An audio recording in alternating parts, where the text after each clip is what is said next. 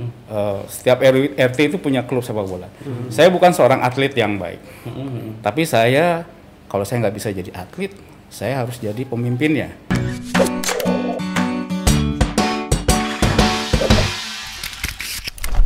Halo Tribuner, selamat datang di Tripod Tribun Podcast. So, tentunya kembali barengan Angga Praga di sini dan juga ada Mas Danang menemani Tribuners yang ada di luar sana dan juga seperti biasa kita bakal ngobrol-ngobrol bincang-bincang santai dan kali ini ada siapa nih Mas Danang? Langsung aja ya, hmm. mesti orang Batam nggak asing nih. Siapa beliau?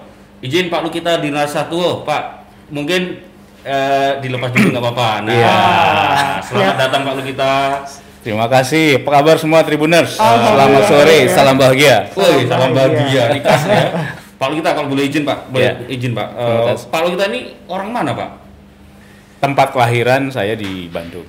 Bandung. Jadi lahir dan besar saya masa kecil saya sampai saya lulus kuliah itu hmm. di Bandung. Di Bandung. Tapi kalau dari asal orang tua ya saya campuran. Oh, campuran pak. Jadi kalau ibu itu dari Jawa Barat, hmm. tapi sebetulnya juga ada ada unsur Jawanya juga. Hmm. Dari orang tuanya dulu ada ada yang dari Jawa Jawa. Kemudian hmm. ayah saya, nah ini dari Sulawesi Utara. Sulawesi Utara. Ya. Persisnya Jadi, Manado atau Persisnya Manado. Oh, Manado. Kawang Koan daerahnya. Oh, ya. oke okay, oke. Okay, Jadi okay. ya boleh dikatakan ya makanya saya katakan saya orang, orang Indonesia. Orang Indonesia. Karena banyak ya. Iya. Iya iya iya. Sampai di Bandung sampai kuliah, Pak ya? Di Bandung sampai kuliah yeah. dan ya saya menikmati masa kecil saya. Mm -hmm. uh, saya anak nomor lima ya, lima bersaudara. Lima bersaudara pak? Lima, eh tujuh bersaudara. Oh, tujuh bersaudara. Tujuh bersaudara uh, saya anak nomor lima, lima hmm. laki, dua perempuan. Oh, okay. Nah saya menikmati masa kecil saya itu, uh, saya berada di ting, uh, dilahirkan ke besar di daerah, di mana lingkungannya itu adalah mungkin yang betul-betul uh, penuh dengan kreativitas. Hmm. Lingkungannya penuh dengan kreativitas. Kalau orang-orang Bandung masa lalu tuh pasti akan tahu hmm. daerah di mana tempat saya tinggal. Karena hmm.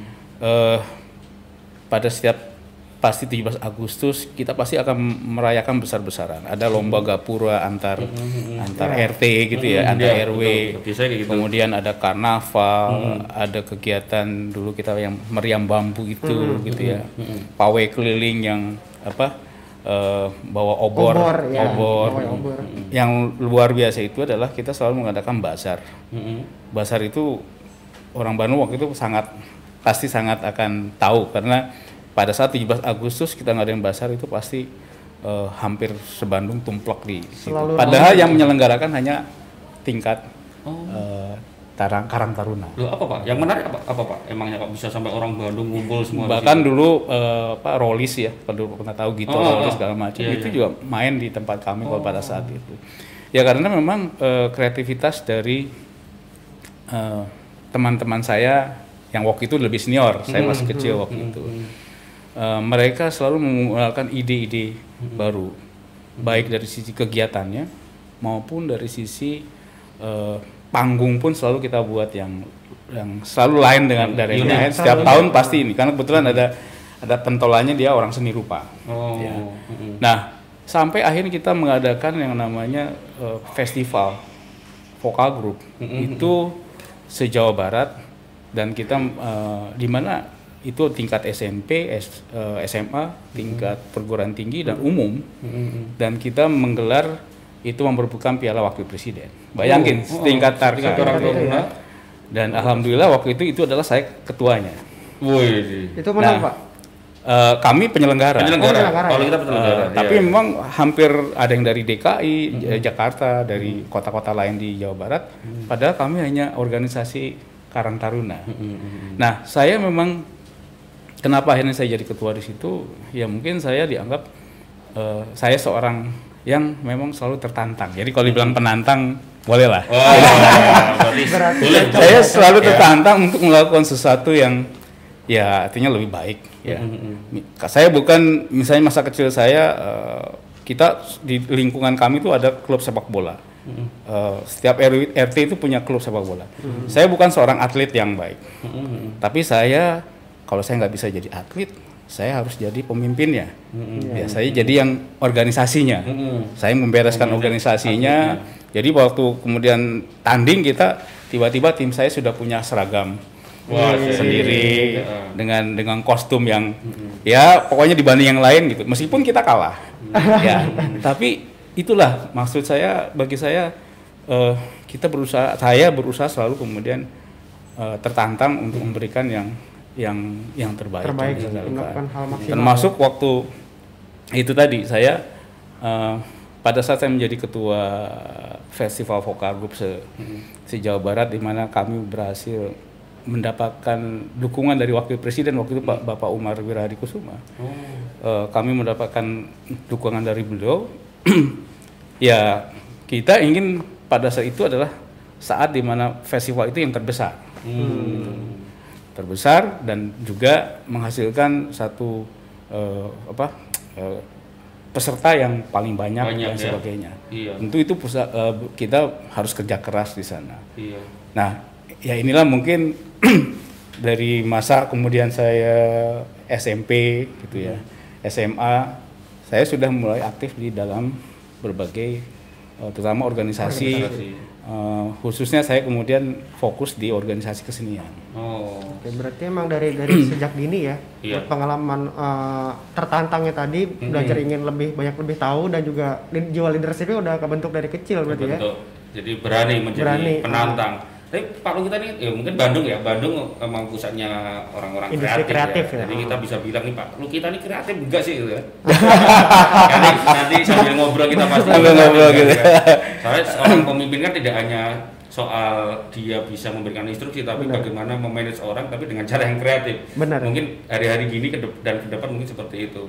Pak Lu, ya memang ada catatan begitu saya ma- masuk organisasi saya selalu mengatakan bahwa begitu saya selesai dari memimpin organisasi ini ini harus sudah lebih baik dibanding waktu saya masuk. Hmm. ya ya mungkin itulah gitu karena keinginan untuk bisa eh, berkontribusi dan mengajak teman-teman sekalian untuk mari kita lakukan sesuatu ya eh, kita berkontribusi atau menghasilkan sesuatu untuk di mana kita kemudian mencapai satu tingkatan yang lebih baik dibanding dengan pada saat kita eh, mulai masuk di dalam eh, sesuatu apa kegiatan dan apa pun itu.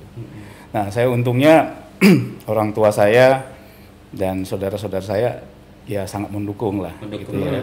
Ya artinya ibu saya selalu mengatakan boleh kamu sibuk dengan berbagai kegiatan tetapi jangan lupa sekolah. Ya, Sehingga pendidikan ya. eh, pernah dalam suatu waktu masa saya itu saya mungkin memimpin lima organisasi sekaligus. Eh, tetapi kemudian eh, saya tertantang. Ini hmm. ada tantangan. Boleh saya akan aktif di berbagai organisasi, tetapi di sekolah saya tetap harus yang namanya karena ibu saya mau melihatnya itu Ya. Tetap berprestasi. tetap berprestasi artinya kalaupun itu rapotnya harus pada posisi kalau dulu bilang ya ranking tiga besar harus masuk gitu Kalau kita ranking berapa? Ranking terbaiknya berapa? Ada yang dua ada yang satu Wih, biasa. nah Ini organisasi jalan akademis bagus. Ah, ah. Ya kan jiwa leadership udah udah jago lah ya. Iya, pantesan. Ini Pak kita ini katanya juga lulusan ITB. ITB kan Pak? Bener ya Pak? ya? ITB ITB, ITB, Jurusan ya. apa Pak? teknik industri Oh, teknik Ya. industri. Sama dengan saya, saya juga teknik industri. Teknik. Tapi saya beda. Kalau ini Pak kita ITB, kalau saya Ah. enggak juga yang penting itu pada akhirnya kan waktu kita sekolah itu sebetulnya kita di dilatih untuk eh, cara berpikir logika yang baik. Karena pada akhirnya kadang-kadang ya kita lihatlah banyak orang yang pada awalnya kuliah di jurusan A ya karirnya eh, belum tentu kemudian berkarir di sana gitu.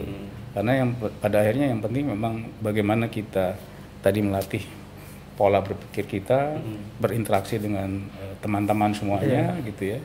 Dan yang paling penting sebetulnya akhirnya bagaimana kita bisa berkontribusi kepada lingkungan sekitar Iya. apakah organisasi apakah betul. eh, masyarakat dan sebagainya berarti waktu masih muda Pak Lukita kayaknya banyak cewek-cewek yang ngedeketin nih. Iya, apalagi kalau nggak salah ikut itu juga. Kalau kita tuh ketua softball ya pak ya Wah, Ya, Nah, itu kan itu salah satu kalau zaman dulu tuh salah Olahraga satu yang olahraga ini yang, ya, keren lah. yang gitu keren kan. ya. Jersinya luar. Iya. Mas Danang ya? tahu aja itu salah satu Ada alasan saya untuk untuk alasan saya masuk di Guardian Softball yaitu wah kok Iya, keren keren gitu ya kayaknya. buat meja. Enggak lihat lihat seragamnya dulu. lihat seragamnya. Iya, Udah gitu lihat olahraga yang jersinya bagus ya softball, Softball, ya. basket paling enggak, Basket, ah. keren lah gitu kan. ya. Gitu. Ya Pak ya. Ya, Eh, dan ya lihat penontonnya juga. Oh, Mas iya, ya. iya, iya, iya, betul, betul. Pak, sedikit Pak cerita Pak Lu kita. Eh, Pak Lu kita kan lulusan teknik industri, Iya. tapi belakangan waktu di pemerintah SBY, Pak Lu kita masuk di eh, Kementerian Perekonomian ya Pak ya. Sebelum di Bappenas saya di masuk Bappenas. di Unilever dulu, Oh, PT Unilever Unilever. Indonesia. Unilever. ya. Oh, Jadi ini menarik memang eh, bagi saya ya. Mm-mm. Eh,